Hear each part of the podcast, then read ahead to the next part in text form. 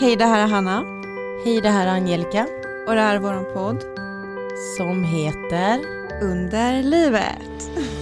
Vi ska faktiskt säga någonting nu fort som vi alltid säger sist, men jag tror att många missar det här. Varför ska vi ta det så fort Hanna? Ta det lugnt nu, börjar vi om.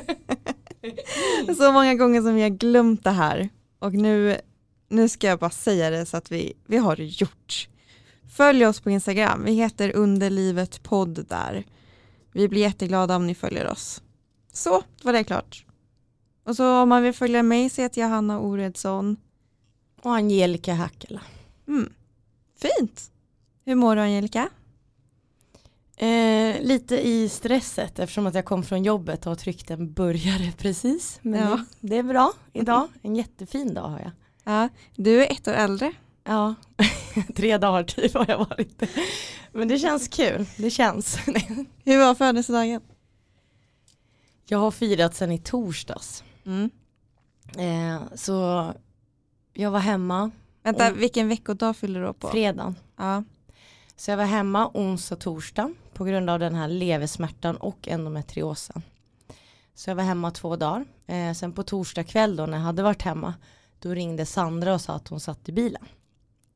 Och vad gör du? Och då sa jag att ja, jag har typ inte borstat tänderna och inte duschat på två dagar och försöker bara få liksom komma tillbaka. Och då sa hon att ja men jag sitter i bilen, jag kommer hem till dig och jag sa nej. Men eh, sen tog det fem minuter så ringde jag upp och bara mm, det kan ju vara skönt att få skjuts hem till henne för att hon hade ju planerat någonting. Så då kom hon hem till mig och tryckte sig in på min, vad säger man, integritet. Säger man Mm. så? Men då kom hon hem och hon satt i soffan, helt sjukt, bara satt med sin telefon och lät mig plocka undan, ta med mig det jag ville. Och så frågade hon, vad har du ätit idag? Då sa jag ett kokt ägg.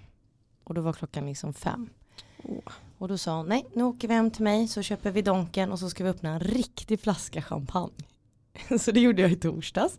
Sen på fredagen firade de mig på jobbet, vi åt god mat och jag fick bubbel där också. och sen på kvällen så var jag med Amelia, en av mina bästa vänner och vi gick ut på en libanesisk restaurang. Gud vad härligt med restaurang. Ja, vi var ju där från 18 till 20, det är ju det som gäller nu. Mm. Eh, men det var så, rekommenderar tusan, Omi tror jag det hette, libanesisk i Gamla stan. Amelia är ju gluten och vegetarian. Om man är, bor i Stockholm vill säga. Ja just och det, ja, förlåt. Jag tänker på er andra också men nu vart det bara att jag var så inne i det här. eh, men då så anpassade de en meny för våra allergier som aldrig typ händer.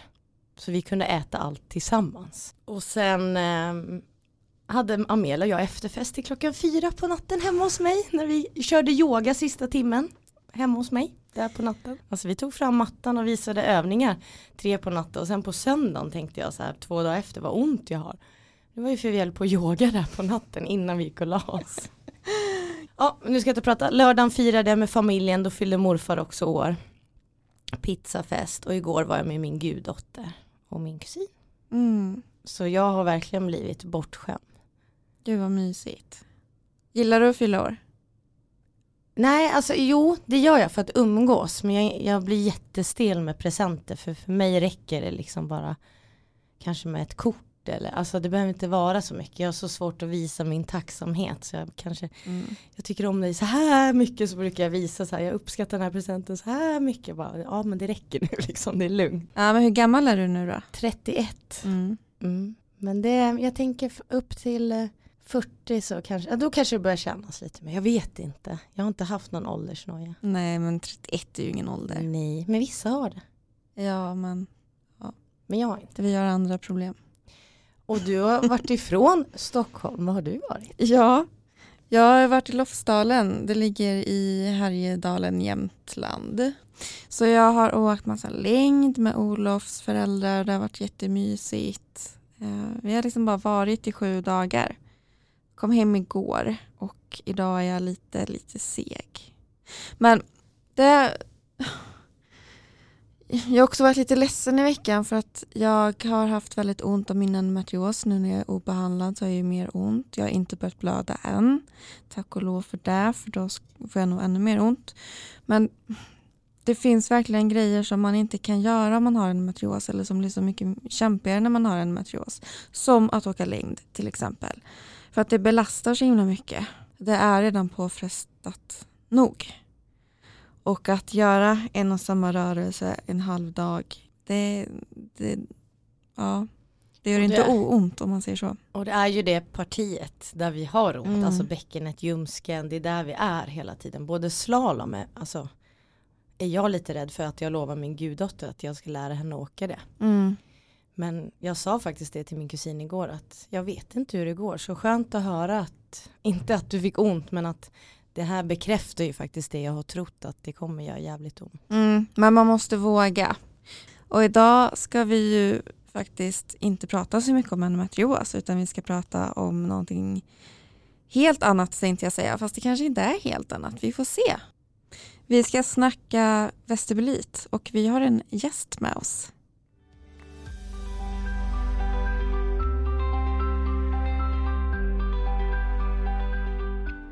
Hej Fia, vad roligt att du är här. Hej, vad roligt att få vara här. Vill du presentera dig kort, vem du är? Absolut, det kan jag göra. Eh, Fia heter jag. Jag är 35 år och bor i Stockholm med min lilla dotter och min sambo. Och du är ju här för att du har vestibulit. Mm, det stämmer. Ja, och Angelica har ju också um, gjort en liten undersökning bland våra nära och kära. Mm. Vi ställde frågan vad är vestibulit? Och jag tänker att vi kan lyssna tillsammans på vad de svarar. Ja, intressant. Ingen aning. Kan det vara någon eh, cysta eller någonting? Oj, inte en susning vad det kan vara. Alltså, jag vet inte exakt vad det är, men jag vet att det är någon, något i de nedre regionerna. Det kan skava, tror jag, fast jag är inte säker. Att det gör ont i slidan när man har samlag. Eh. Och jag vet inte. Jag vet inte. Men, jo, men jag tror att det, det gör ont. Det gör ont när man har sex. Systor? Nej, nej, det är... Nej, jag, jag vet inte. Oj, jag har hört ordet men jag har ingen aning vad det är. Det är vestibul, inte det någonting man har på huset typ?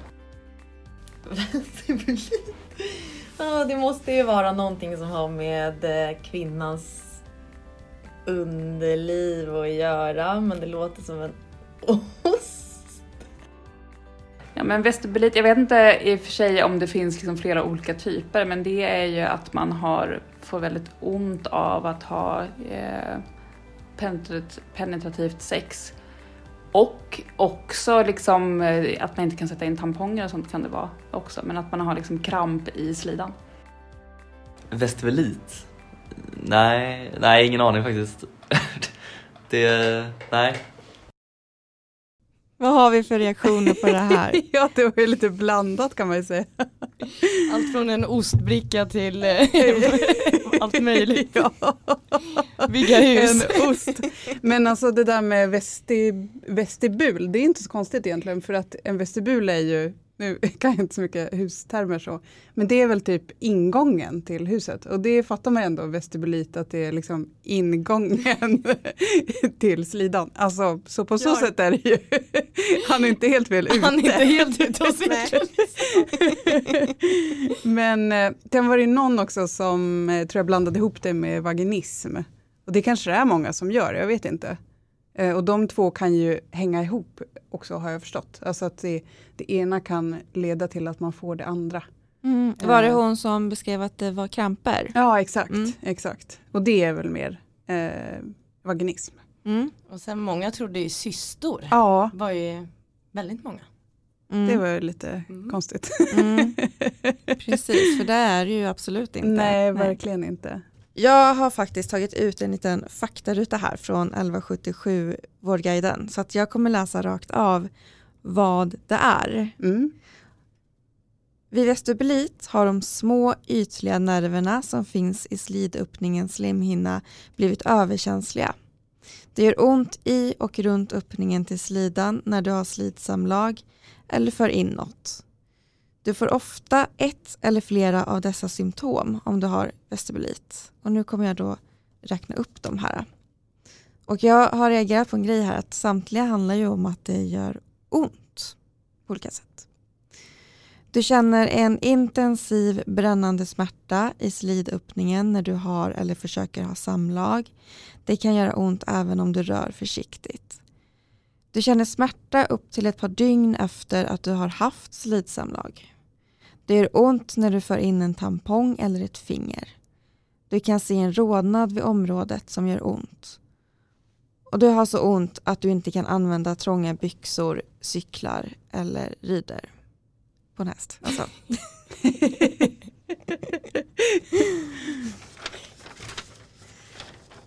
Och Vårdguiden skriver också så här att om du tror att du har vestibulit är det viktigt att söka hjälp för att besvären inte ska bli värre. Så då tolkar jag då in att om man går obehandlad så, så blir besvären då alltså värre. Och du kan kontakta en ungdomsmottagning, barnmorska eller en vårdcentral. Och de kan hjälpa dig att hänvisa vidare till en gynekolog eller en så kallad vulvamottagning. Vulvamottagningar finns på flera sjukhus i landet och är specialiserade på samlagssmärta. Uh, Fia, vad, mm. vad, tycker du om den faktarutan? Tycker du att den ja. representerar bra hur det är att ha vestibulit eller känns den som att det saknas en massa Alltså, jag kan ju skriva under på allt det där egentligen. Alltså, jag tycker att den är väldigt eh, informativ. Sen är det klart att det finns... Det är ju så här, alltså, alltså bara samlagssmärta och vestibulit är ju inte riktigt samma sak. Alltså samlagssmärta är ju en, en, ett symptom på vestibulit. Och jag tycker att för alltid när man läser om vestibulit så blir det mycket fokus på så här vaginalt samlag och att det är svårt att ha liksom penetrerande sex. Men det är klart, det är ju en del av det så att säga. Men annars så tycker jag nog att den är ganska allmänt beskrivande. Måste jag säga. Och jag läste någonstans också att förut så kallade man vestibulit för brinnande vulva. Och det är ganska talande verkligen för, för vad det är, eller hur det känns. Men lite som det du sa Hanna också, när du läste upp att det är mycket smärta, det är en brännande mm, smärta, det är ja. all typ av smärta typ. Ja, verkligen. Usch. Men eh, Fia, ja? vi, nu vill vi faktiskt jättegärna höra din resa med mm. vestibulit. Ja. Och då vill vi att du, du kör, kör från början och så guida oss igenom dina år. Ja. Um, får väl spola tillbaka bandet då tills jag var eh, 15, eh, 16 egentligen. Um, jag började ha sex när jag var strax innan jag skulle fylla 16 och det var ju 2001 tror jag, ungefär 2000-2001 någonstans där. Och eh, jag blev ganska snabbt tillsammans med en kille som var lite äldre än mig och jag liksom kunde inte så mycket om sex heller. Alltså sen har jag också en mamma som inte har varit så himla öppen kring att prata om sådana saker. Så vi har liksom inte haft den typen av snack hemma heller. Um, så jag liksom, det jag kunde om sex hade jag lärt mig av kompisar och, och sådär. Som säkert många andra också gör såklart. Men eh, vi började i alla fall ha sex och jag trodde liksom att, för jag hade alltid ont efteråt. Eh, och det var inte att det var våldsamt sex eller att han gjorde saker som var helt liksom, sjuka på något sätt. Utan det var bara att jag kände att det sved alltid efteråt. Och eh, det kunde göra så ont att jag liksom inte kunde sitta efteråt på, alltså ordentligt, sitta ordentligt på ett par timmar. Eh, det gjorde alltid jätteont när jag kissade efter sex och jag fattade ju inte vad det var för någonting. Och det började också göra ondare och ondare att använda tampong. Och jag var verkligen som ett stort frågetecken kring det här. Um, till slut så sökte jag hjälp på ungdomsmottagningen där, där jag bodde då. Det är en väldigt, jag kommer från en väldigt liten ort i Norrland, eller högt upp i Norrland.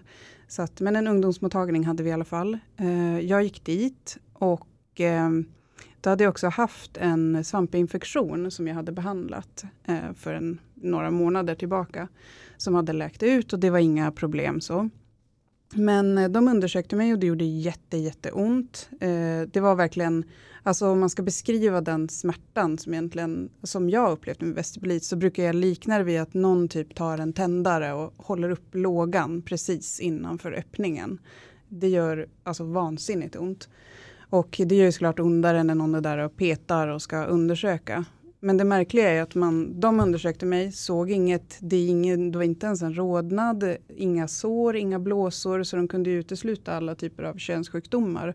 De tog en massa tester på mig också såklart för eh, kondylom och eh, ja, men klamydia och, och herpes kunde de inte se överhuvudtaget och det, det var ju inte det heller.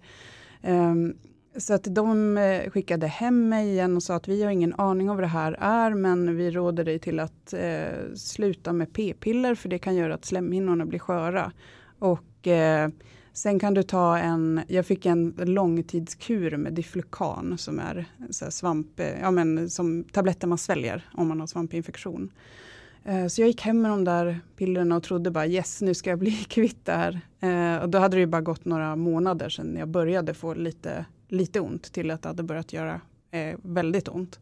Så jag tänkte att det här var botemedlet. Jag tog de där tabletterna. Eh, jag tror jag fick med mig tre stycken hem och sen skulle jag komma tillbaka. Eh, ingen förbättring, alltså det hände ingenting såklart. För att det är ju, ett, det är ju till för att bota svamp, inte vestibulit. Ehm, så att jag eh, gick tillbaka dit. Jag var väldigt ihärdig och bokade nya tider hos ungdomsmottagningen. Och jag fick komma ibland till barnmorska, ibland till gynekolog. Och de hade någon gynekolog som var från någon kvinnoklinik i Norrland som var där typ en gång i månaden. Och då fick jag komma till honom Eh, undersökningarna gjorde ju jätte, jätteont och de stod som frågetecken varje gång. Och jag hörde aldrig, under alla gånger som jag var där så var det aldrig någon som nämnde ens ordet vestibulit. Utan de sa bara att vi vet inte vad det här är men du är jättekänslig i underlivet. Du har förmodligen väldigt sköra slemhinnor men det kommer att ge med sig med tiden. Eh, men vi skulle rekommendera dig till att inte ha sex. Och inte använda tampong och ja men det, som de sa tidigare, då sluta med p-piller. Och jag gick därifrån varje gång och bara blev mer och mer uppgiven. Tänkte vad, vad ska jag göra? Alltså om de inte vet vad det är, hur, hur ska jag kunna bli kvitt det här? Det kommer ju inte att gå. Eh, månaderna gick och de blev till år. Eh, sen var det väl typ två år efter, som, efter att jag började få symptom, då var det verkligen som värst. För då hade jag så ont att jag Eh, jag kunde inte ha tajta byxor, jag kunde inte ha ja, men stringtrosor gick absolut inte för att det liksom ja, men det känns ju mer när man har stringtrosor än, än eh, andra modeller så att säga.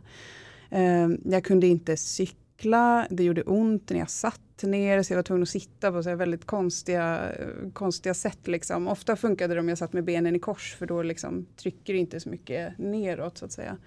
Eh, så att jag hade ju super, super mycket problem då. Sen gick jag tillbaka till ungdomsmottagningen och eh, de blev jätteförvånade över att jag ens hade kvar de symptomen för de trodde ju att jag inte hade kommit tillbaka för att det hade gått över. Men det var ju snarare för att jag hade känt mig så uppgiven och inte fått någon hjälp som funkade. Då skrev de en remiss till eh, sjukhuset, eh, till kvinnokliniken på sjukhuset. Ehm, och så fick jag komma dit. Uh, och det besöket var egentligen Alltså det har verkligen etsat sig fast i mitt minne, för det var ett av de värsta besöken. Det var en äldre gynekolog uh, som var väldigt uh, barsk och han tittade lite grann och jag sa att jag har jätte, jätteont, så kan jag få någon typ av bedövning? Det fick jag inte, för då skulle han ju inte se vart det var jag hade ont. Så att jag fick genomföra undersökningen utan bedövning och det gjorde så fruktansvärt ont. Jag gick dit också helt ensam. Alltså jag var, gammal kan ha varit, 17 17 typ. Ja, unge, ja men drygt 17 år. Eh, satt där ensam. Um, varför var du där ensam? Hur kommer det alltså, sig att du inte hade med kompis eller nej, men jag tror att, alltså, För mig var det väl så att jag skämdes så mycket över det här. Jag har verkligen tänkt tillbaka på det nu i vuxen ålder. Också särskilt eftersom att jag själv har fått en dotter. Om hon någonsin skulle drabbas av något sånt här så vill jag att hon ska kunna berätta det för mig. Eh, att vi ska ha det klimatet hemma, att man faktiskt kan prata om saker som berör underlivet. För det är inget skamligt med det eller tabubelagt. Men eh, jag kände inte att jag vågade berätta. Jag vet faktiskt inte riktigt varför. Jag vet att jag nämnde det för min mamma någon gång och hon kramade mig och sa att det, det kommer att bli bra. Och så här, men hon visste liksom inte riktigt hur hon skulle ta den diskussionen. Hon blev väldigt ställd. Och jag tror inte att jag sa det till någon av mina kompisar faktiskt. För jag ville inte sticka ut, jag ville inte vara konstig. Det kändes ju som att det var något som var fel på mig. Och det är ju jättehemskt att bära på den hemligheten ensam när man är så ung också. För att du liksom jämförde deras historia med hur du upplevde sex till exempel. Ja men exakt. Att eh, alla pratade ju om att sex var så jäkla nice och det var så skönt och jag tyckte ju inte det. Jag tyckte det var fruktansvärt. Det gjorde ju jätte, jätteont. Det var inget jag ville hålla på med. Eller jag ville väl men det, det gick ju inte för det gjorde så ont. Men den här läkaren då i alla fall, han sa i princip att, eh, eller han sa uttryckligen faktiskt, att sannolikt så sitter det här i ditt huvud. Det kommer jag så väl ihåg att han sa. Eh, och jag, han skrev i alla fall ut någon salva till mig som jag gick och hämtade ut på apoteket direkt efteråt och var väldigt, eh, tänkte, ja, men väldigt taggad. Liksom. Tänkte att nu, det här kanske funkar. Eh, provade smörja med den där salvan, då står det liksom på tuben, kommer jag ihåg, eh, ej för invärtesbruk. Alltså det är som vad jag har fattat i efterhand, för jag började läsa i bipacksedeln också. Då står det att eh, vid behandling av inflammationer i muskler och eh, jag vet inte om det var leder också. Till exempel tennisarmbåge. Och jag tänkte så här, ska jag verkligen smörja det här liksom inne, i, alltså inne i min slida? Det kan, det kan inte vara bra. Men jag gjorde det i alla fall. Och det var ju, alltså den smärtan var ju helt sinnessjuk. Det brände ju som eld verkligen. Eh, så jag kastade den där salvan, använde den aldrig igen. Och i efterhand har jag förstått att det var ju typ, ja men tänk Ipren-salva eller sån här gel man köper på apoteket. Det är ju för att behandla muskelinflammationer. Och han sa också under besöket att ja, du är väldigt spänd så att det är inte så konstigt att du har ont. Men det är klart att man spänner sig när man redan har ont och någon genomför en vaginal undersökning som gör alltså så jävla ont. Så det var inte så konstigt egentligen. Men eh, efter det tror jag just det besöket gjorde att jag ja, men, tappade hoppet. Jag tänkte att jag kom, det kommer inte att bli bra det här någon gång. Och jag, jag googlade så otroligt mycket på den här tiden. Och på den, det var ju liksom i början på eh, 2000-talet och då fanns det inte så mycket information alls om vestibulit. Idag finns det ju rätt mycket. Om man googlar på det så hittar man ju rätt mycket. Man hittar bloggar, man hittar olika ja, men sidor som 1177 och ja, väldigt blandad info. Men också mycket typ reportage om tjejer som har levt med vestibulit och, och om man får ta del av deras erfarenheter. Men jag hittade i alla fall, då när jag satt där hemma och försökte hitta info, så hittade jag några bloggar som skrev om vestibulit. Och då var det ju väldigt mycket tips och tricks om vad man skulle göra för att eh, bli bra då. Och då kommer jag ihåg att det hemmakurer, var... Ja men det var hemmakurer. Det var liksom allt ifrån att man skulle göra någon sorts kur med typ naturell yoghurt. Och det var, eh, sen skulle man smörja med barnolja. Bara ha trosor i bomull. Ehm, alltså egentligen så här mycket saker för att undvika att få svampinfektioner. Typ inte ha tajta byxor och inte tvätta med tvål och inte ha syntettrosor. Som egentligen kanske är självklara då om man har den typen av problem. Men sen var det också mycket råd kring att typ ä, sluta äta socker, sluta äta gluten för att socker gör att svamp kan få fäste i kroppen. Så det var mycket fokus på, på sånt. Och jag testade ju verkligen allt eh, på en gång och inget hjälpte ju. Alltså det fortsatte ju göra svinont. Eh, så jag gick ju med det där ett par år. Sen blev det lite, lite bättre. Eh, undrar vilket år det kan ha varit då, kanske 2005 typ. Och då träffade jag också en, eh, en ny kille, för det tog ju slut med den killen jag var tillsammans med då när det här eh, när, det, när det började så att säga. Eh, och han var väldigt förstående. Jag berättade för honom exakt vad, vad jag hade haft, att jag var bättre nu men att det, jag är inte säker på att det inte kommer tillbaka. Och eh, det kom ju tillbaka. Alltså jag började få ont igen och då sa jag verkligen stopp direkt till eh, sex. För att, och förklarade för honom att det, jag tror att det, det triggas, liksom, är det någonting som gör ont när jag har sex eller använder tampong eller så, då kan det sätta igång en väldigt ond cirkel så att säga. Och han var ju väldigt förstående, vilket kanske man så här i efterhand är en självklarhet att man borde vara mot om ens partner har ont. Men han var jätteförstående, verkligen. Um, men så att jag, när jag fick tillbaka smärtan då, det hade liksom ett kort uppehåll på typ ett halvår kanske, när jag inte hade ont dagligen, utan jag hade typ ont innan jag skulle ha mens. Då kände jag alltid att det blev, då fick jag ondare igen. Då kom smärtorna tillbaka. Har du reflekterat över det här halvåret, om det var något speciellt du gjorde? Var det att du inte hade sex? Alltså någonting? Ja, alltså jag det måste ju ha varit en mix av allting tror jag. Alltså dels att jag inte hade sex, jag använde inte tampong, jag slutade med p-piller. Jag gjorde ju verkligen allt på en och samma gång. Alltså allt man kan tänka sig. Så att jag vet inte om det var någon av de sakerna som, som funkade. Men det kändes som att jag verkligen provade allt som fanns. Och jag gjorde allt för att undvika att få svampinfektioner. Jag fick det någon gång eh, och då fick jag jätte, jätteont. Och då blev jag livrädd att jag var tillbaka på ruta ett igen. Eh, men sen kom det ju tyvärr tillbaka igen eh, efter det här halvåret som jag fick eh, må bra. Eh, och sen, nu kommer jag inte ihåg vilket år det var som det liksom satte igång igen. Men eh, i alla fall när 2006 så flyttade jag till Umeå och skulle börja plugga. Och då hade jag ju läst eh, att det fanns en vulvamottagning i Umeå. Och jag ville ju dit, alltså för att jag visste ju att de jobbade ju med vaginism och vestibulit och den typen av sjukdomar som ju uppenbarligen ingen av de gynekologer jag hade varit till tidigare kunde någonting om. Så att eh, när jag kom dit, eh, flyttade till Umeå, Um, och så skrev jag faktiskt ett mail till dem, en, ja, men en egen remiss. Och för, berättade min historia och att jag hade fått väldigt ont igen. Jag har varit smärtfri i ett halvår sedan 2001 då i princip. Så det var ju fem år som jag hade levt med den här smärtan. Som jag upplevde också som bara blev liksom värre och värre. Uh, för att sen sakta gå tillbaka och sen komma tillbaka igen. Uh, och jag fick, eh, då ringde de faktiskt upp mig och jag fick en tid där. Eh, så jag blev inbokad hos en gynekolog.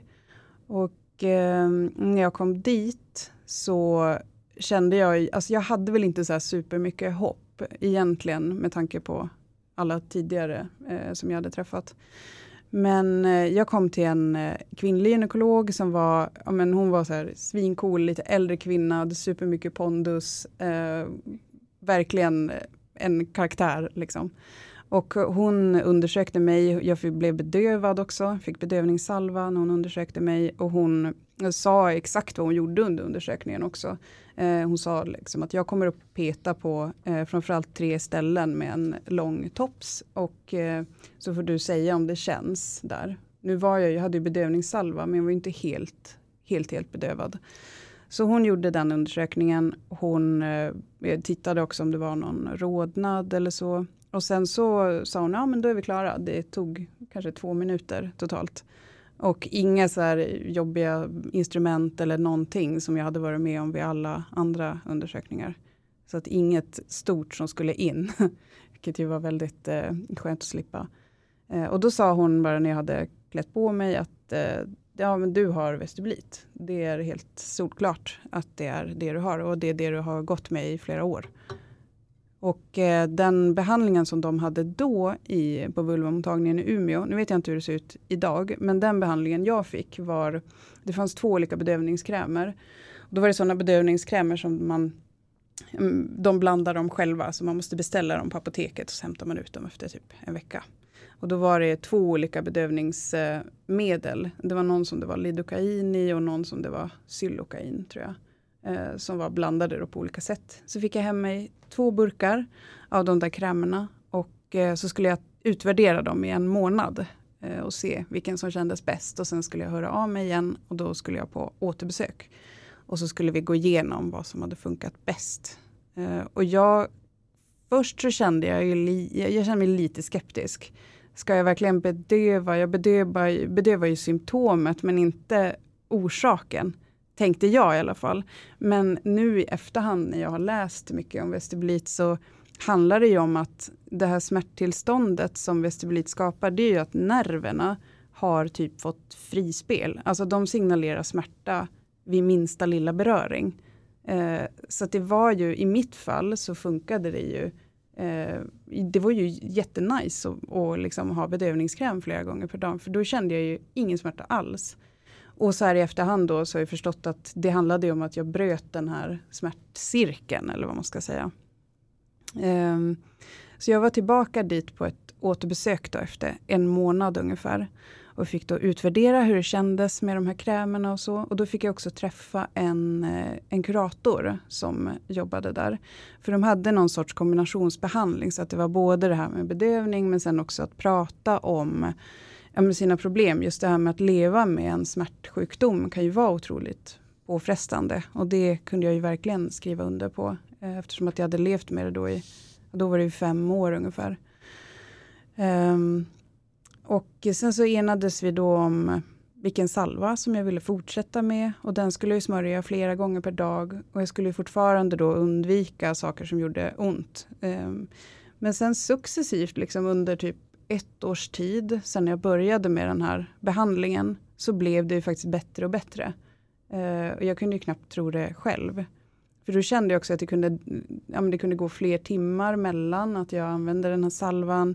Jag testade till och med använda tampong någon gång när jag hade lite bedövningssalva och det funkade ju toppen.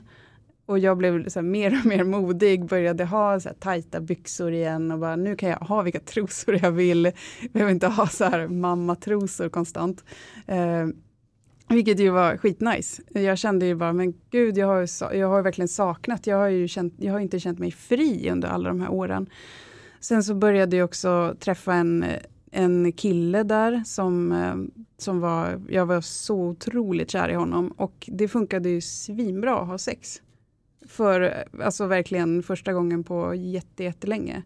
Och det var någonstans som att jag tror att det var den här kuratorn som jag träffade också. Jag, kanske, jag måste ge henne lite cred också för att det vi pratade mycket om eh, under de, jag tror att jag gick hos henne fem gånger kanske, så det var inte så här jätteintensiv terapi eller så. Men vi pratade mycket om det här med att, att man inte är sin sjukdom. Eh, att jag är inte den här smärtan, jag är, jag är Fia och jag kan besegra det här. Och då började jag se vestibuliten som något jag menar alltså något jävligt eh, dumt som bara hade drabbat mig. Det, var inte, det är inte jag, det är inte min kropp som håller på så här, det är vestibuliten. Och den ska, jag, den ska dö. Alltså jag kände verkligen så starkt att eh, jag ska, nu ska jag besegra det här, jag ska bli fri. Och det tror jag hjälpte supermycket faktiskt. Att jag fick åt, alltså den här känslan av att återerövra liksom min frihet och min kropp och min sexualitet och allting som jag hade blivit berövad på under tonåren, som ju faktiskt är en ganska viktig tid, tänker jag, med att hitta sin sexualitet, lära sig vad man gillar. Alltså, det är så viktigt. Och det blev jag berövad på. Så det var ju faktiskt en fantastisk tid när jag, när jag återfann den, så att säga. Eh, jag var ju hela tiden lite rädd så att det skulle komma tillbaka. Jag kunde känna en viss oro. Eh, men jag hade ju den där bedövningskrämen också så att så fort jag kände minsta lilla antydan till smärta så smörjde jag med den. Eh, och försökte verkligen ja, men mota bort så mycket som möjligt av, eh, av smärtan. Så att, jag så att det inte skulle dra igång någon sorts ond spiral igen. Ehm, sen så, sen dess egentligen så har jag haft några mindre eh, kortare episoder där jag har haft ont. Eh, men då har jag hela tiden haft någonting att falla tillbaka på. Jag har fortfarande, alltså nu är det ju länge sedan, det här var ju när jag fick den här behandlingen, det var ju 2006, 2007 kanske, början på 2007. Så det är ju länge sedan nu, men jag har ju hela tiden där att falla tillbaka på att jag vet att får jag det minsta ont, då smörjer jag med den där salvan och så är, så är det borta. Slipper jag gå och känna sådär. Eh, så att det är klart, det kommer tillbaka ibland, men idag så ser jag ju mig som, men som frisk, skulle jag nog säga. Så jag, jag känner inte att jag går runt med, med en sjukdom längre. Att gå så länge och veta, alltså när man själv har läst så otroligt mycket om någonting. Jag visste ju att det var vestibulit jag hade. Jag, jag visste ju det, jag hade ju läst mig till det. Men att få diagnosen äntligen och få det på papper och någon som bekräftar en eh, som säger att du har det här och vi ska ta hand om dig och det går att bli av med det här. det, det var ju en sån lättnad så att det var ju helt eh, otroligt. Men Fia, nu, du har ju verkligen kämpat och kämpat för din rätt till hjälp i flera år. Mm, ja. Vart kommer den här ihärdigheten ifrån? Alltså jag vet faktiskt inte. Jag, jag brukar snarare tänka att, att, eh, för jag är ganska ihärdig och kämpar på rätt mycket med, med grejer. Jag tycker inte så saker är särskilt svåra eller tunga att, att gå igenom, även om det är svåra saker som händer. Och det tror jag faktiskt är på grund av att jag har gått igenom det här. Att jag fick gå igenom det i så pass ung ålder och inte tog hjälp ifrån någon. Eh, å andra sidan är det lite negativt såklart. Jag borde ju ha tagit mer hjälp. Och det har nog gjort mig ganska envis också i vuxen ålder. Att jag inte så gärna tar hjälp utan jag vill gärna försöka själv. På gott och ont.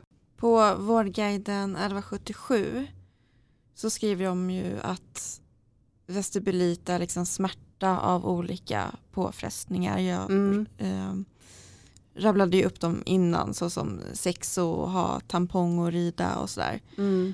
Är smärta det enda symptomet på vestibulit? Eh, ja, det är det. Alltså om man tänker så här underlivssymptom. Ja, då är det det enda symptomet.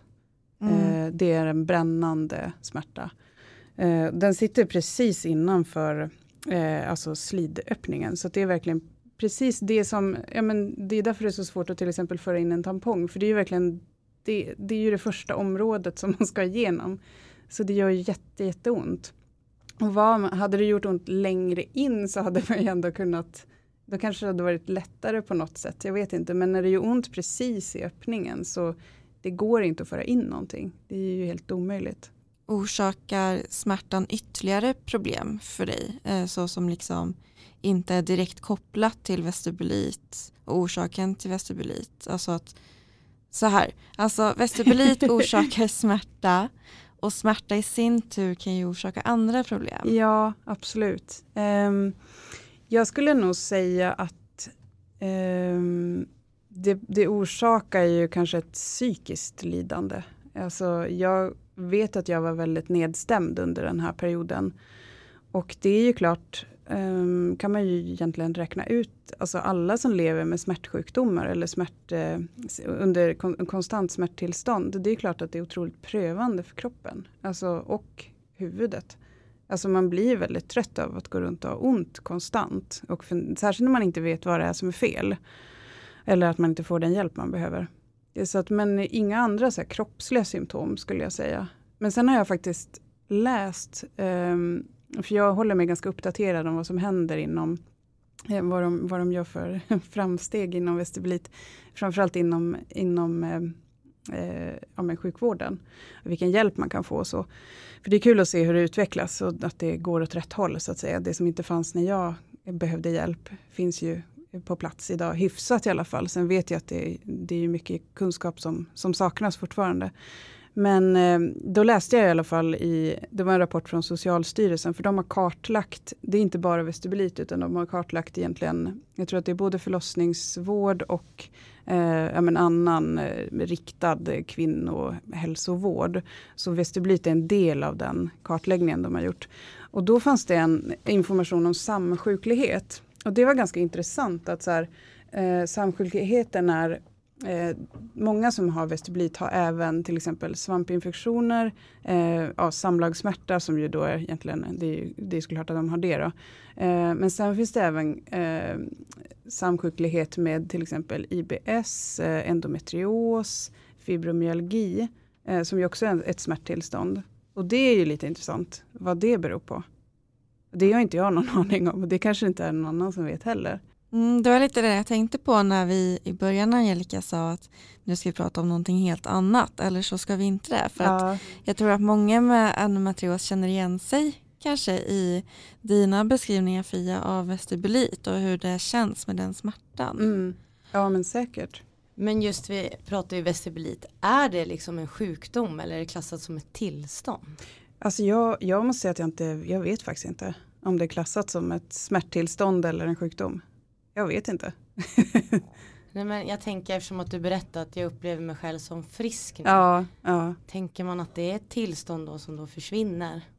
Eller är det Ja, en det- sjuk... Alltså jag ja. tänker eftersom att du ändå upplever att det kan komma tillbaka. Då. Ja, precis. Jag vet faktiskt inte och det känns inte som att det finns så mycket forskning på det heller, tyvärr. Ehm, och det är ju också lite eh, Eh, det som kanske gör att eh, jag menar, jag ser mig själv som frisk, men jag är också lite rädd för att det ska komma tillbaka. Och det hände ju till exempel när jag blev gravid. För, eh, jag blev gravid när jag var 33. Och då händer det ju jättemycket konstiga saker i kroppen. Det blir sånt himla hormonöverflöd. så att eh, allting i kroppen blir väldigt eh, konstigt. Och då började jag faktiskt få ont igen. Och då blev jag ju livrädd. Och tänkte att jaha, nu, nu är skiten tillbaka. Nu ska jag leva med det här. Det blir ju kul. Så att det gör ju också att när, eftersom att man inte vet så här, att man, jag vet, kan man bli helt frisk från det? Jag, jag har ingen aning. Och det gör att man går runt med den här rädslan att, ja men tänk om det dyker upp igen då? Och inte går över. Har vi någon aning om hur många det är som faktiskt drabbas av vestibulit? Eh, jag läste att det var ungefär en av tio. Men sen så läste jag en annan studie som man gjorde en, eh, ett screeningprogram i Sverige för livmoderhalscancer.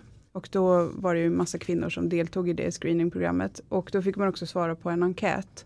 Och eh, den enkäten handlade om eh, underlivssmärtor eller samlagssmärtor. Och då svarade, jag tror att det var 13 procent av kvinnorna som svarade på den här enkäten mellan 20 och 29 år hade underlivssmärtor. Det är många. Det är jättemånga. Och det är ju jätteskrämmande tänker jag.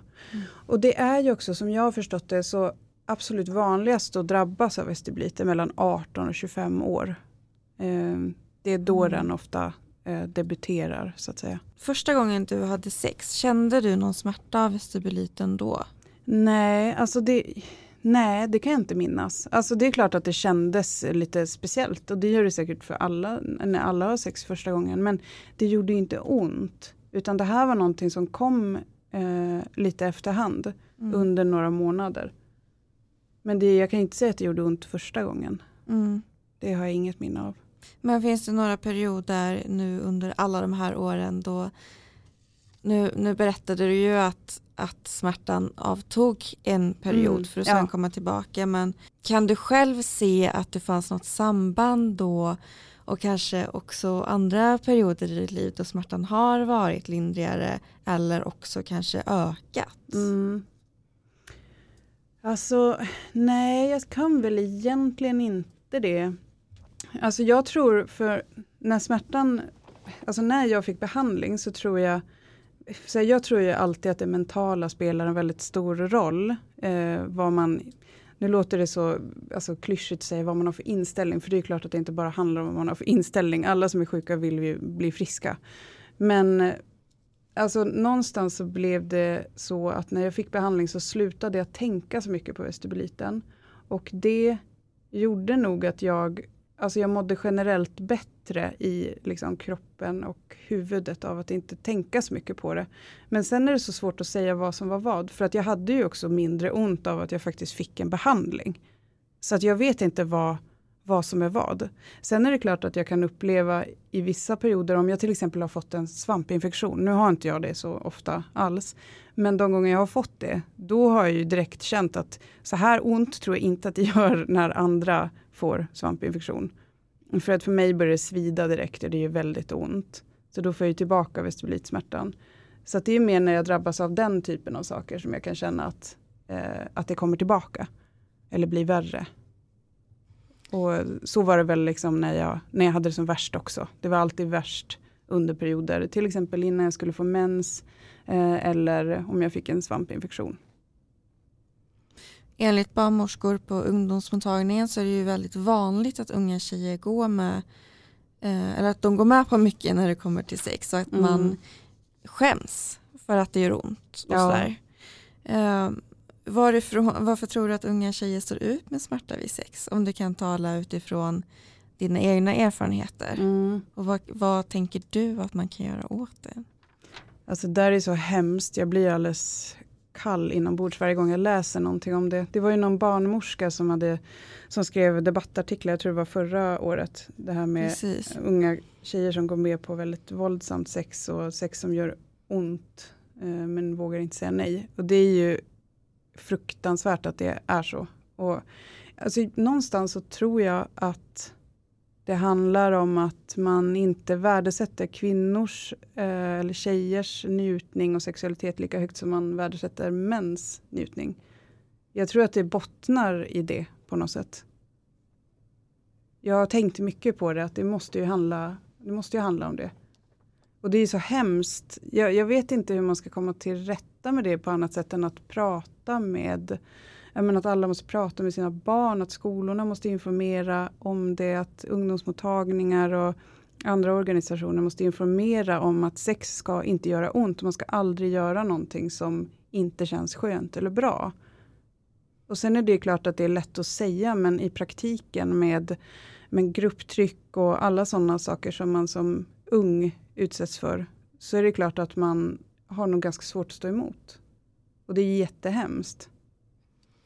Men så när du själv sökte hjälp där på ungdomsmottagningen och fick, fick den här svampdödande Ja. medicinen Ja. och sluta med p-piller och det. Mm. Kände du att när de hade sagt det att det liksom ville de följa upp det efter eller kände du att de var intresserade av att fortsätta hjälpa dig Nej, vidare? alltså jag kände inte att de var så intresserade faktiskt. Alltså de var jättevänliga och snälla när jag var där. Eh, men det kändes inte som att de riktigt ville komma till botten med vad det var för någonting. Och det är där man måste fånga upp som ni var inne på innan nu. Mm. Ungdomsmottagningar och allt. Ja. Ja, men jag känner att jag kokar inombords nu. Ja. Och eftersom att du själv har berättat att det tog så himla många år. Du var ju vuxen när du fick en diagnos. Ja, du var var barn jag. när du blev sjuk. Ja, exakt. Jag var inte ens myndig. Jag var ju liksom 16 år. Alltså jag, jag blir arg. Alltså jag Ja. blir så arg. Men vill du bli ännu mer arg? Den här läkaren som gav den här tennisarmbågen, Ja, typ en gud. Ipren-salva. Får jag bara säga, alltså helt ärligt, det är ju Mm. farligt att hålla på och smörja Ja. under livet. Ja, men det är klart med sådana här Ja. olika smärtlindring. Och jag kan tänka mig att ja, om man är ung och kanske upplever Mm. symptom på vestibulit att Mm. man själv kanske tar till det. Men att få höra det från en läkare, att du själv sen läser att det här är för tennisarmbåge. Ja. Alltså muskel, ja, vad Ja, heter jag det? vet det inte vad, ja men det är ju det är för muskelinflammationer. Alltså det, man kan ju använda det när man får typ alltså någon muskelbristning typ eller eh, träningsvärk. Ja, det, det är så hemskt. Hade, hade det hänt mig idag så hade jag ju anmält honom. Men jag satte inte på den kunskapen när jag var 17. Jag gjorde ju tyvärr inte det. Och i och med att jag inte heller berättade det för någon eh, och inte, mina föräldrar var ju inte involverade i det här på något sätt. Så hade jag ju, hade de vetat om vad som hade hänt så hade ju de förmodligen anmält honom. Men jag gick ju dit själv utan deras vetskap. De visste ju inte hur ont jag hade. De hade ju ingen aning. Och du fick ingen tips från någon annan du träffade senare när du berättade om det här med den här krämen att du skulle ha anmält eller något? Nej, nej, det har jag faktiskt aldrig, nej det är aldrig någon som har sagt det.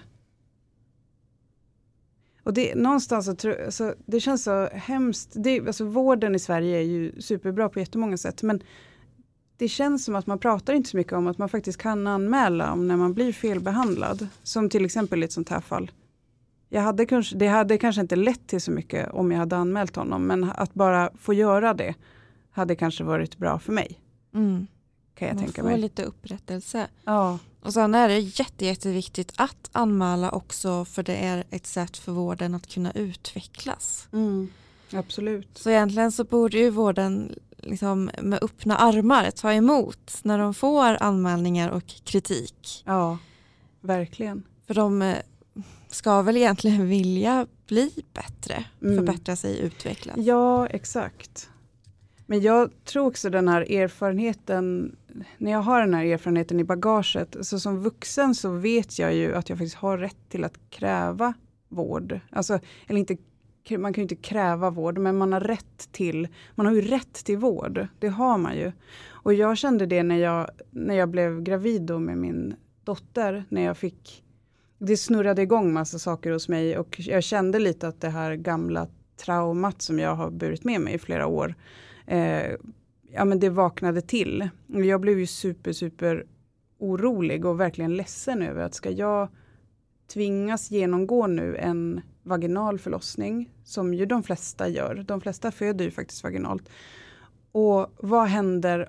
Det finns ingen inom vården som kan garantera mig att jag inte får några komplikationer av en förlossning.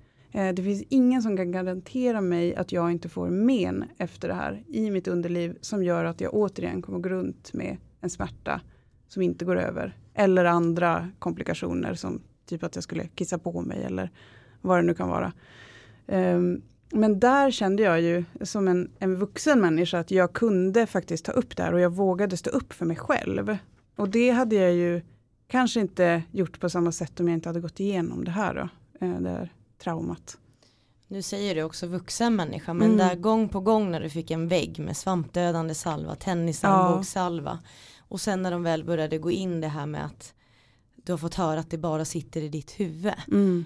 Var det då du lite gav upp ett tag eller hur kände du liksom att du hanterade att de här Ja. kommentarerna påverkar om dig liksom?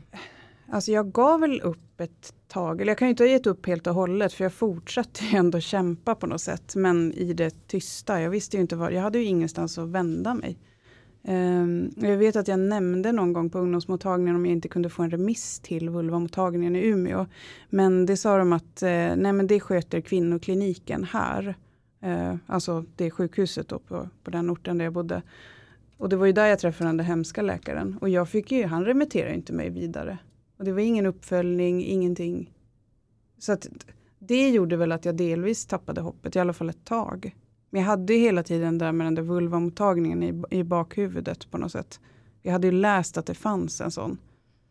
Men tror du att det spelar någon roll vart i landet man liksom söker hjälp eftersom att du är uppväxt i norra Sverige? Mm. Vad tror du om det? Har det någon betydelse? Ja, alltså tyvärr tror jag det. För att jag vet ju till exempel här i Stockholm, det finns ju, nu har inte jag stenkoll på alla vulvamottagningar, men jag vet att det finns på Karolinska, eh, det finns på SÖS, där finns det vulvamottagningar.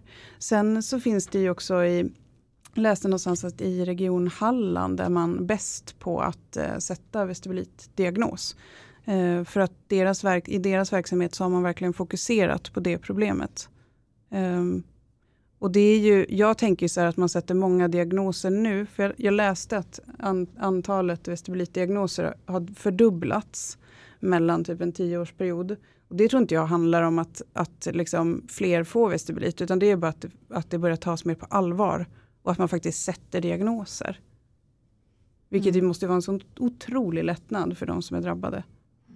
Men du, du beskriver ju att smärtan ökade med tiden och Mm. att du till slut till och med hade eh, ont när du satt ner Ja. eller hade för tajta byxor. Mm. Tror du att det beror på att du faktiskt inte fick någon hjälp och att sjukdomen då blev värre? För att du var obehandlad? Ja, men det tror jag nog. Alltså jag...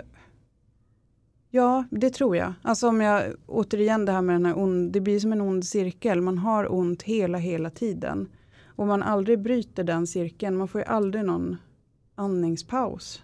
Så jag tror att det förvärrar det. Det tror jag. Och jag har ingen aning om vad som skulle ha hänt om jag faktiskt fick hjälp direkt. Tänk om jag hade fått de här bedövningssalvorna direkt till exempel. Jag, jag kanske hade blivit frisk direkt, eller på ett par månader, det, det vet jag inte. Och det är lite sorgligt att tänka att jag wastade en massa år på att gå runt och ha väldigt ont. Men den kunskapen fanns inte. I alla fall inte där, där jag sökte. Ja, jag tycker det är så sorgligt att du led där i tysthet och Mm. inte kände att du kanske pratade med vännerna så. Tror du nu i efterhand, du som ändå är mamma själv, Ja, att det kunde ha hjälpt? det tror jag. Alltså det tror jag verkligen. Ehm, men jag hade svårt, just med min mamma var det svårt. Men jag hade, och jag så här i efterhand, ja det ha- hade kanske kunnat finnas någon annan äldre kvinna i min närhet som jag hade kunnat prata med. Men det är svårt det där man växer upp, som jag växte upp i en familj där man inte pratade så mycket om sex. Eller jag och min mamma gjorde i alla fall inte det. Och jag tror jag blev väldigt färgad av det. Men jag tror absolut att det hade hjälpt att, att prata med någon. Det tror Men jag. typ vänner då? Kände du att du, du skämdes så pass mycket? Att Ja, inte... jag berättade inte. Jag berättade för en av mina närmsta vänner, för vi flyttade till Umeå tillsammans och bodde ihop också ett år. Henne berättade jag för. Och det var ju inget konstigt med det. Hon tog ju det hur bra som helst. Jag vet inte vad jag hade förväntat mig riktigt. Att hon skulle tycka att jag var jättekonstig. Men hon stöttade ju mig bara i det. Det var ju fantastiskt. Så då fick jag egentligen, eller då sökte jag ju också stöd. Det hade jag inte gjort tidigare. Och när du inte sökte, nu blir jag jättedjup, men när du inte sökte tidigare Mm. och ni kanske pratade om sex när man var 15, 16, Mm. vet hur man var. Mm. Ljög du då istället och höll med i deras historier? Ja, jag, alltså jag minns faktiskt inte riktigt. Ehm, jag antar att jag gjorde det. Eller var det något som var jobbigt att prata om att du mest var tyst? Nej, det tror jag inte att jag var nog inte tyst heller. Nej, jag tror att jag ljög förmodligen. För att jag ville så gärna passa in.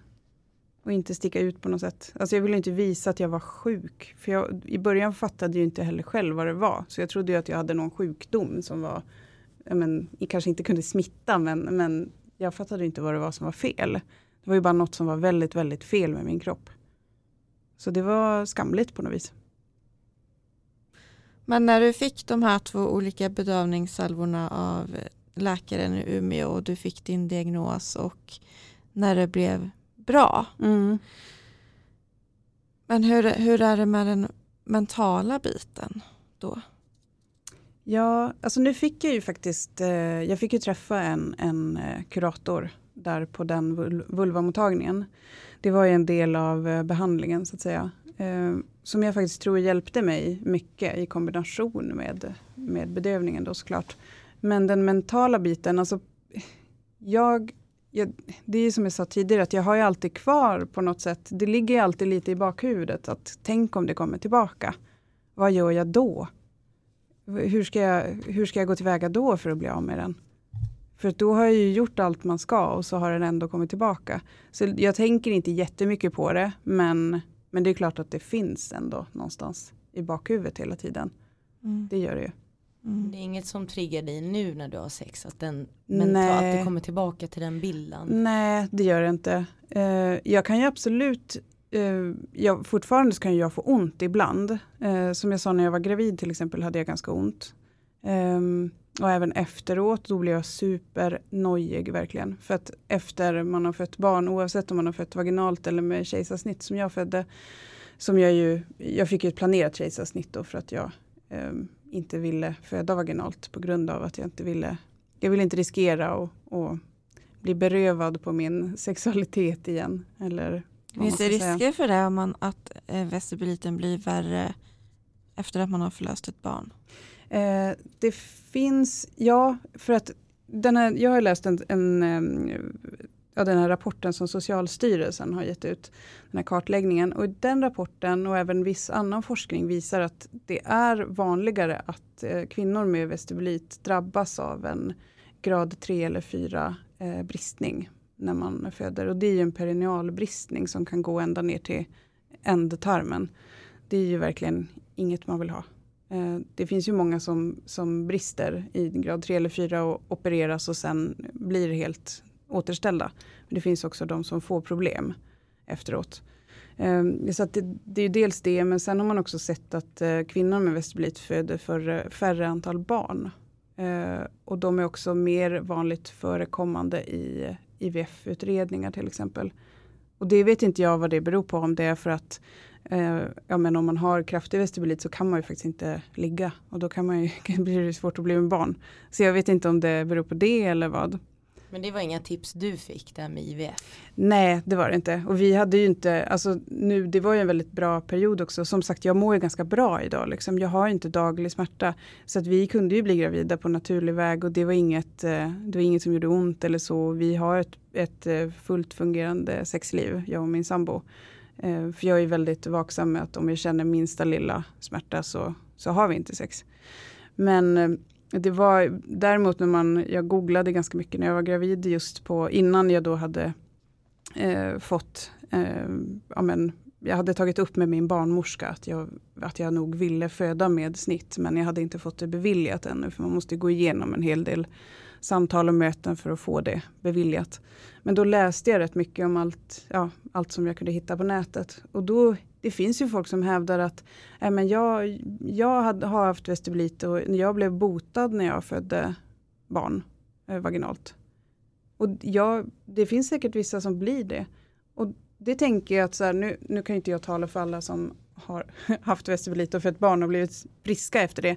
Men det finns ju faktiskt en av behandlingsmetoderna för vestibulit. Nu vet inte jag hur, den, hur vanlig den är idag, men det är ju faktiskt att man opererar bort en del av eh, slidväggen precis vid öppningen. Så att det området tas bort. Och det är klart, föder man barn och till exempel spricker och man syr ihop, då kanske de där nerverna som tidigare var helt galna, de kanske försvinner. Eller alltså, för det blir ju en skada där då om man, eh, om man spricker. Så jag vet inte, jag, det är bara min egen teori. Men eh, det var ju mycket så, jag träffade faktiskt aldrig någon barnmorska som sa till mig att, att, eh, nej men det, att föda vaginalt är bäst för dig. Det, det var ingen som sa så, vilket ju var superskönt. Utan de tog mig verkligen på allvar.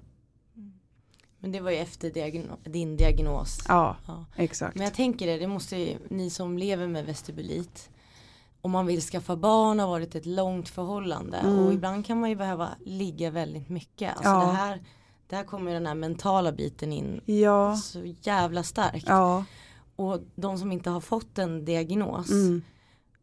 Ah, nu kan du inte, nu har ju du fått det men liksom finns det någon tips som du, de som måste ha mycket sex trots vestibulit? Ja, så det där är så svårt för att jag tänker ju att man absolut inte ska ha sex om det gör ont. För att jag tänker alltid att det triggar.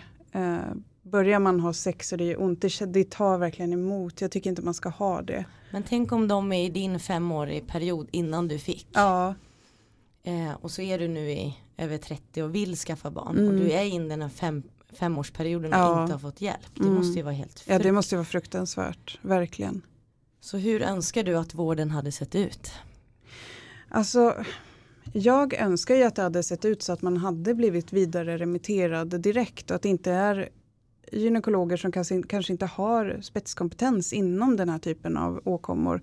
Att de ska uttala sig och säga att men det är ingen fara, här ta lite svamp, svampdödande tabletter.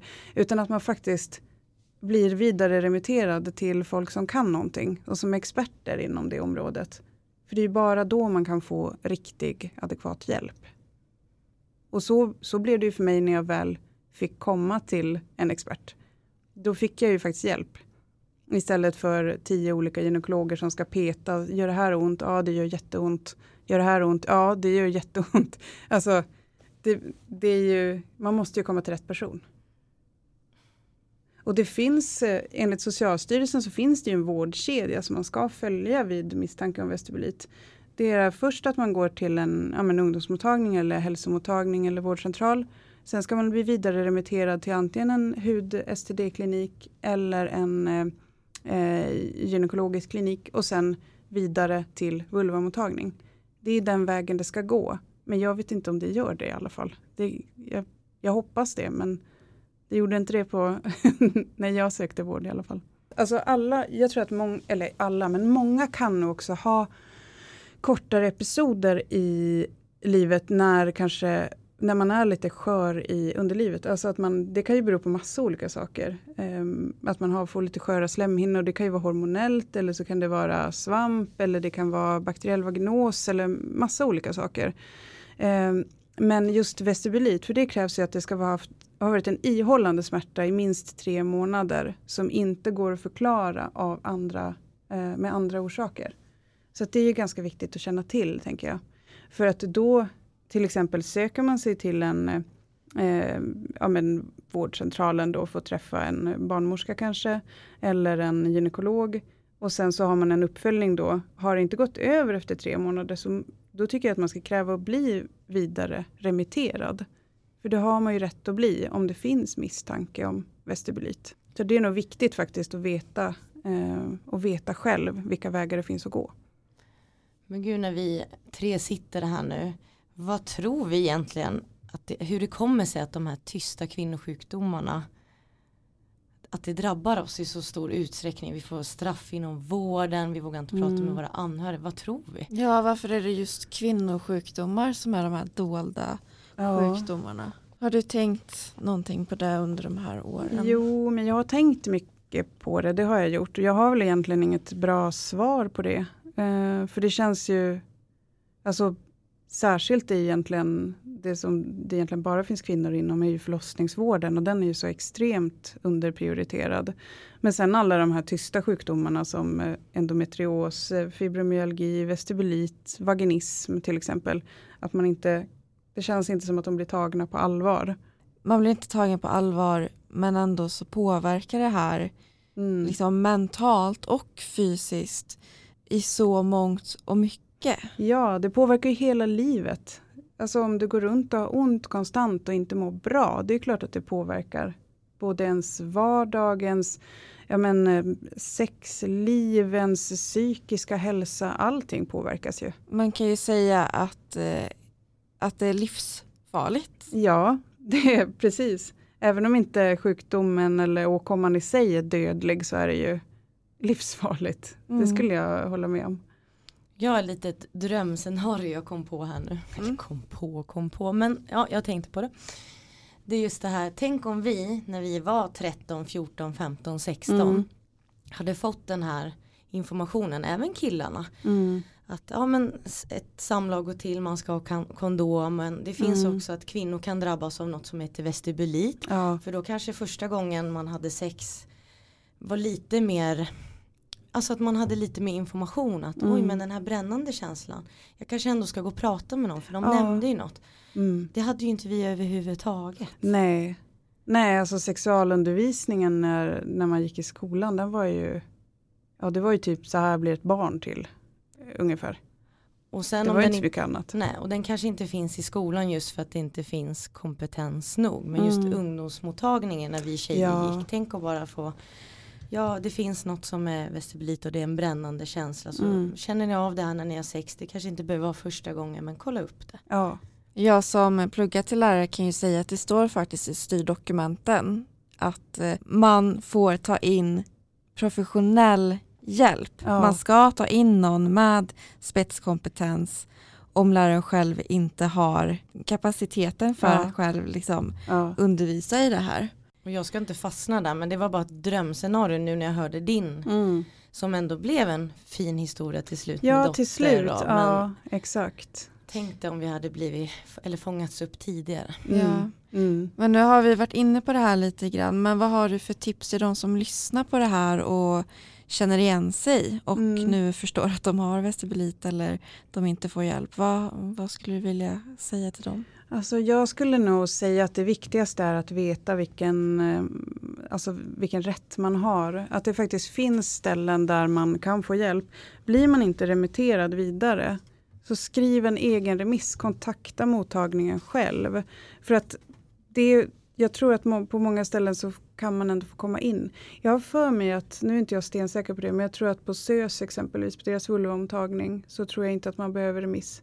Så det är säkert olika. Jag är inte, jag är inte 100% säker, men i Umeå till exempel så var det ju, då kunde man ju skriva en egen remiss. Så att man inte behöver gå liksom genom, om, man, det- om det är så att man fastnar i vårdkedjan på något sätt. Eh, just det här med egen remiss som du nämner så kan jag ändå bekräfta det som jobbar inom vården att man har rätt att skriva egen remiss. Till oavsett mottagning man vill men är det någon specialistklinik såklart kan det ju vara längre väntan men man har alltid rätt att skicka en egen remiss. Det är ju Så superbra. slösa ingen tid.